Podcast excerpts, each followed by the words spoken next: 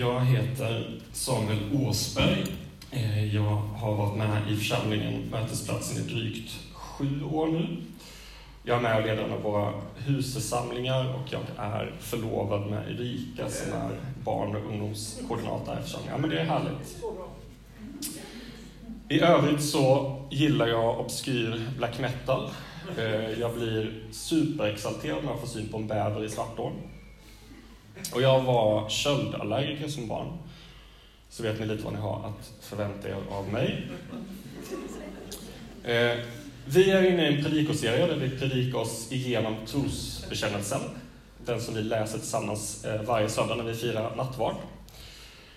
Och man skulle kunna säga att trosbekännelsen är lite grann som en sorts kristen grammatik. Den ger oss regler för hur vi kan tala rätt om Gud och därmed också om människan och om världen. Den ger oss liksom ramar för hur vi kan förstå vår tro. Men det handlar inte bara om att liksom tro rätt eller att kunna uttrycka oss på ett korrekt sätt, utan allra främst så är det, precis som namnet säger, en bekännelse.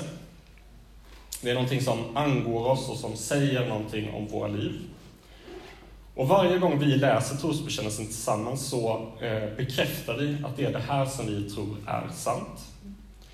Och därför så är det inte bara ett rabblande av massa ord, eh, utan det är att vi talar ut för oss själva, för varandra och inför Gud vad vi gör anspråk på att vara en sann beskrivning av tillvaron och verkligheten.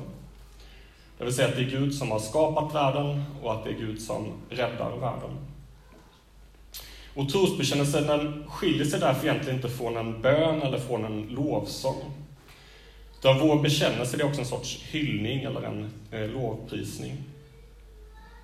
Och nu kanske jag pekar ut er här utan eh, förvarning, men jag har tänkt på det ibland när vi läser trosbekännelsen att eh, Christian och kanske Robert också kan liksom lyfta sina händer samtidigt som vi läser den.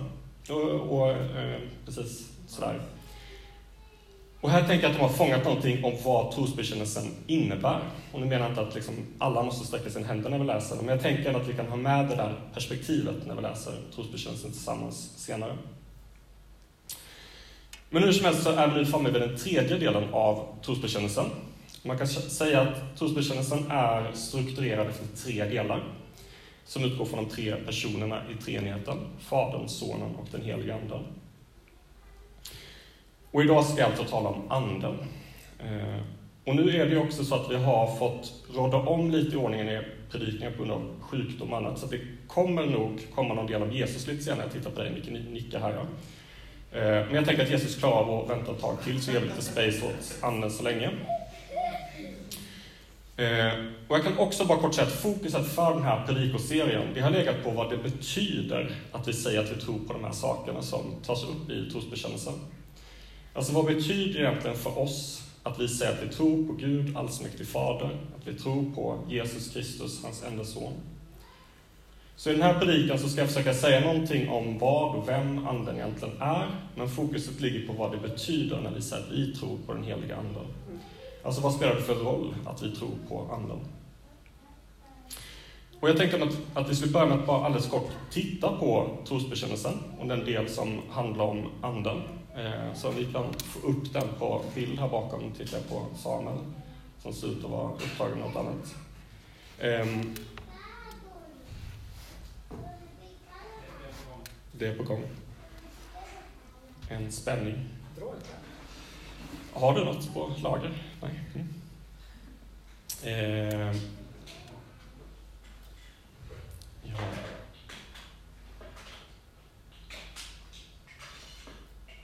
Ja, den dyker upp här snart. Jag fortsätter så länge. Men i trosbekännelsen, den här delen om anden, det står egentligen väldigt lite om anden. Jesus han får ett ganska rejält stycke och delen om Fadern är också ganska kort. Eh, men den säger åtminstone någonting om vad som utmärker Fadern. Men går vi sen till Anden så står det bara kort och gott, vi tror på den heliga Anden. Det är ganska så här pang på och sen så vidare till lite andra saker som vi också tror på. Utan att få någon egentligen liksom närmare förklaring av vem Anden är. när man läser trosbekännelsen liksom i sin helhet så kan man nästan få intrycket att Anden liksom buntas ihop eh, tillsammans med allt annat som blivit över i slutet. allt det väsentliga, det har jag redan sagt, så du behöver liksom bara lista upp allt det där andra som också måste finnas med. Ja, precis. Eh, och ska man vara lite taskig så skulle man eh, kunna se det lite grann som trosbekännelsens eftertexter som rullar förbi lite sådär snabbt i slutet. Och inom trilogin då har man ibland kopplat ihop vissa av de här ämnena som radas upp eh, i den här delen, såsom anden och kyrkan exempelvis. Och alltså tänkt att det finns någon sorts logik kring att eh, de här grejerna står tillsammans. Och självklart så är det inte helt slumpartat eh, vad det är som kommer upp här i slutet. Precis som att allting som tas upp i trosbekännelsen också hänger ihop i en helhet. Och bara för att understryka så här, så att jag inte helt undergräver relevansen för min predikan innan jag ens har börjat, så är det förstås så att även om trosbekännelsen inte säger särskilt mycket om anden, så betyder det inte att anden är mindre viktig. Och man kanske snarare skulle kunna förstå det mer positivt som ett uttryck för hur anden alltid pekar bort från sig själv och pekar mot Jesus och Fadern. Anden är liksom aldrig intresserad av att ha uppmärksamhet på sig själv, utan pekar alltid vidare. Och ibland har man här talat om anden som den blyga personen i treenigheten. Även om det kanske vore mer rätt att tala om anden som den ödmjuka. Men hur som helst så kommer fokus för den här predikan idag enbart vara på den här första frasen. Vi tror på den heliga Anden. Och bara för att säga någonting om eh, vem Anden är så tänkte jag börja med att placera in Anden i Bibelns berättelse. Och närmare bestämt i Nya Testamentets berättelse om Jesus och den första kyrkan. Och det skulle självklart gå lika bra att prata om anden i Gamla Testamentet, i skapelsen, hos Israels folk, bland profeterna eller i psalmerna och vishetslitteraturen. Gud har alltid varit treenig och anden dyker inte upp först i Bibelns andra del, även om det kanske där blir mer framträdande.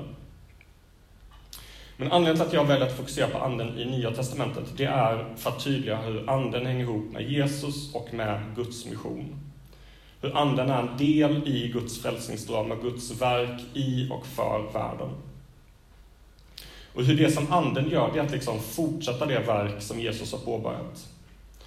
Och här kommer vi också till betydelsen för anden eh, för oss idag. Alltså hur anden sammanlänkar även oss med Jesus och med det rika som han förkunnade.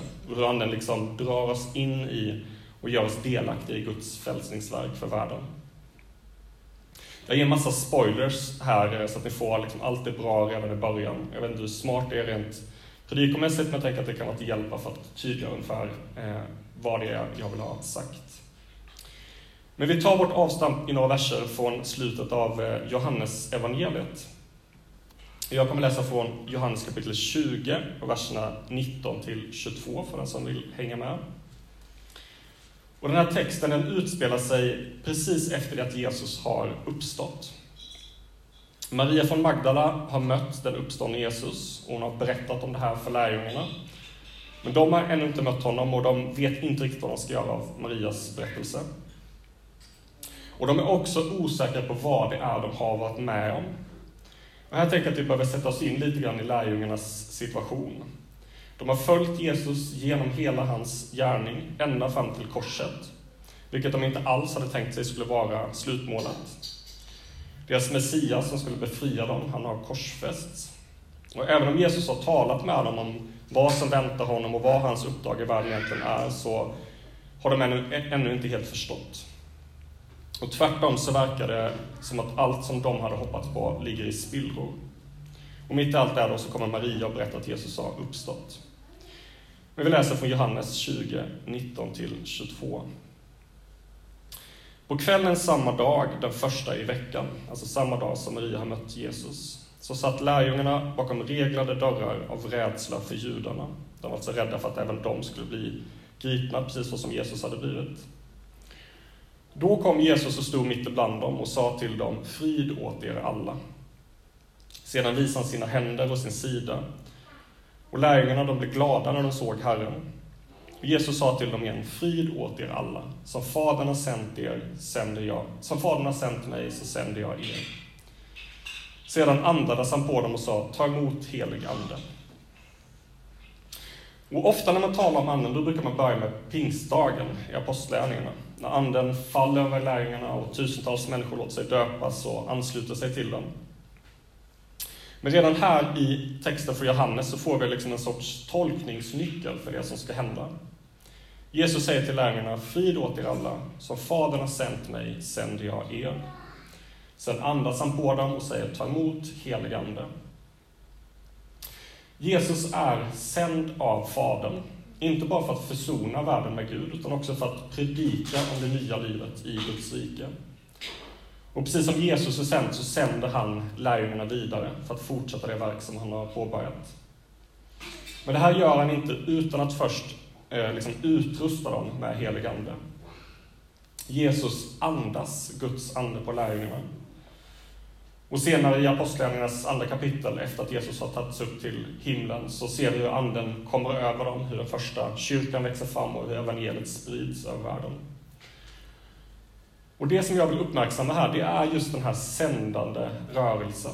Från Jesus till anden och vidare till lärjungarna.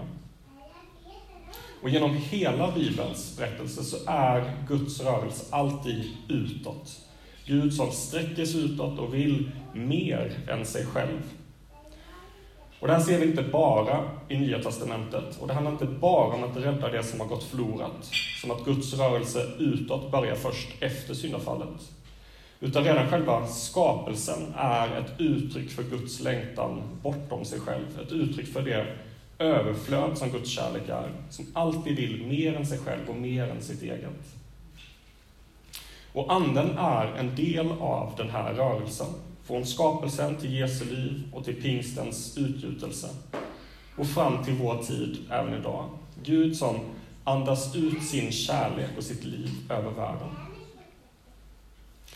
Och läser vi sedan apostlärningarna, alltså berättelsen om den tidiga kyrkans framväxt som följer på Andens utgjutande, så ser vi hur lärjungarna fortsätter det verk som Jesus påbörjat. De predikar evangeliet om Guds rike, om Guds försoning, om det liv som hör Guds rike till. De botar sjuka, de hjälper fattiga, de planterar församlingar på de här olika ställena som de reser igenom. Men det här är aldrig lärjungarnas eget projekt, något som de själva har uppfunnit eller någonting som de ensamma bär upp. Utan det är ett ständigt samarbete med den helige Ande. Och i Johannesevangeliet, i Jesu avskedstal till lärjungarna, så kallar han Anden för Hjälparen, som ska lära och påminna lärjungarna om allt som Jesus har sagt. Och I Apostlagärningarna så får lärjungarna vara med om helanden och mirakel. De blir ledda i sitt uppdrag genom tilltal, genom syner, där Anden talar om vart de ska gå och vart de inte ska gå. Och Anden är liksom hela tiden med väldigt sådär hands-on och leder kyrkans uppdrag. Och det är också Anden som leder Petrus till att eh, upptäcka att också hedningarna, det vill säga vi som sitter här idag, också kan få ta emot Guds frälsning. Och apostlarna de får vara med om hur fler människor får ta emot Anden genom att Anden faller när de predikar för dem. Och här skulle man egentligen kunna ta ett steg längre och inte bara prata om ett samarbete mellan Anden och lärjungarna, utan kanske snarare att Anden går före och leder. Och här tänker jag finns en viktig insikt för oss som kyrka att hämta, när vi gör oss själva för viktiga. Guds ande är verksam och gör Guds verk i världen och förbereder för Guds rike även innan kyrkan är på plats. Och Oliver O'Donovan, en brittisk teolog, han har talat om det som att kyrkans ständiga uppgift är att komma ikapp anden. Att se och urskilja vad Gud redan gör och vill göra och haka på det istället för att liksom försöka hitta på något eget hela tiden. Och i Johannes 3 och 8 så säger Jesus att vinden blåser vart den vill och att detsamma gäller för de som är födda av anden. Och här skulle man kunna säga att vi faktiskt ska vända kappan efter vinden så länge vinden är Guds ande. Och jag hoppas nu att det framkommit eh, hur anden hänger ihop med Guds frälsningsverk i världen. Hur Faderns sändande av Sonen och Sonens sändande av lärjungarna genom anden hör ihop i liksom en och samma helhet, i en och samma rörelse. Och här finns ju också länken till oss idag. Vi är fortsättningen på Guds verk i världen. Vi som är här idag och firar gudstjänst, vi som har varit med på, på konferensen i helgen, vi är ytterligare ett vittnesbörd om Guds frälsning. Och inte genom vår förträfflighet, även om ni är superfina, utan genom Guds nåd och gåva genom Anden. Så det som Jesus påbörjade, det ser vi här idag. Och vi ser det runt om i alla församlingar i vår stad som firar gudstjänst nu och utöver vår värld. Evangeliet om Guds rike, det fortsätter att spridas. Och precis som den tidiga församlingen hade som sitt startskott Andens utgjutelse och var beroende av Anden sitt uppdrag, så gäller det samma för oss idag. Och här finns egentligen två saker som jag vill säga, som på sätt och vis är två sidor av samma mynt. Och det första det är att vi behöver Anden. Och med det menar jag inte lite så här metaforiskt eller så något fint jag säger, utan vi behöver Anden på riktigt. Vi är beroende av Anden i allt det som vi gör. Det vi gör tillsammans som församling, det möjliggörs av Anden. Om Guds ande inte är bland oss så spelar det ingen roll det vi gör. Jag tror att det är viktigt att, för att liksom på ett positivt sätt relativisera vår innebörd. Som att allt hänger på vad vi lyckats tänka ut. Vi följer Jesus, men vi lever av Anden. Och det andra det är att Guds ande är här. Anden är Guds närvaro i världen och genom Andens närvaro så är Gud mitt ibland oss. Anden ger oss kraft, Anden vägleder oss, Anden ger oss kreativitet, kärlek, mod, ork att fortsätta Jesu uppdrag. Och när jag säger att vi behöver Anden så kanske vi kan känna oss modfällda eller vi kan känna att vi saknar Anden. Men jag tror inte att det alltid handlar om att försöka liksom piska igång någon andlig stämning där vi kan få mer av anden i våra liv genom att liksom pumpa upp oss eller slå oss för våra andliga bröst. Utan jag tror att det handlar om att få en tränad blick för att anden redan är här. Att se på våra liv och på vår tillvaro med en blick för Guds närvaro. Och jag är övertygad om att anden är här i allt det som vi gör.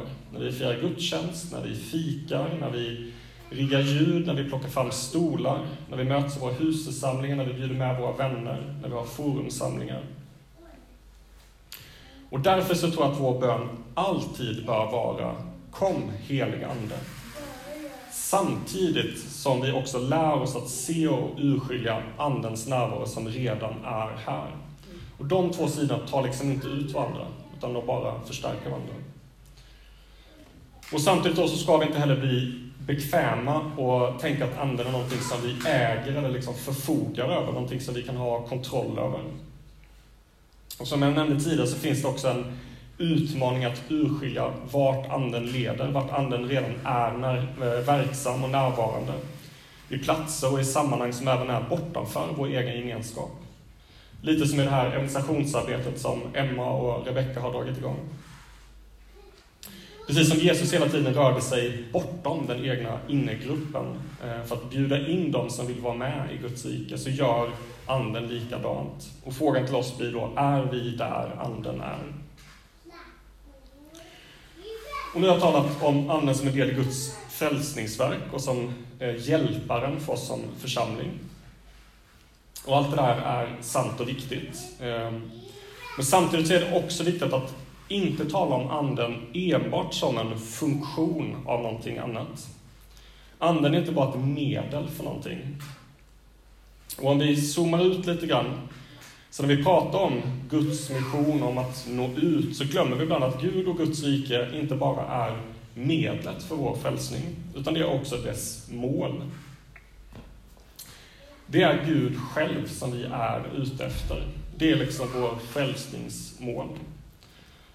Och precis som Gandhi ska ha sagt att det inte finns någon väg till fred utan att fred är vägen, så hänger mål och medel ofrånkomligen samman.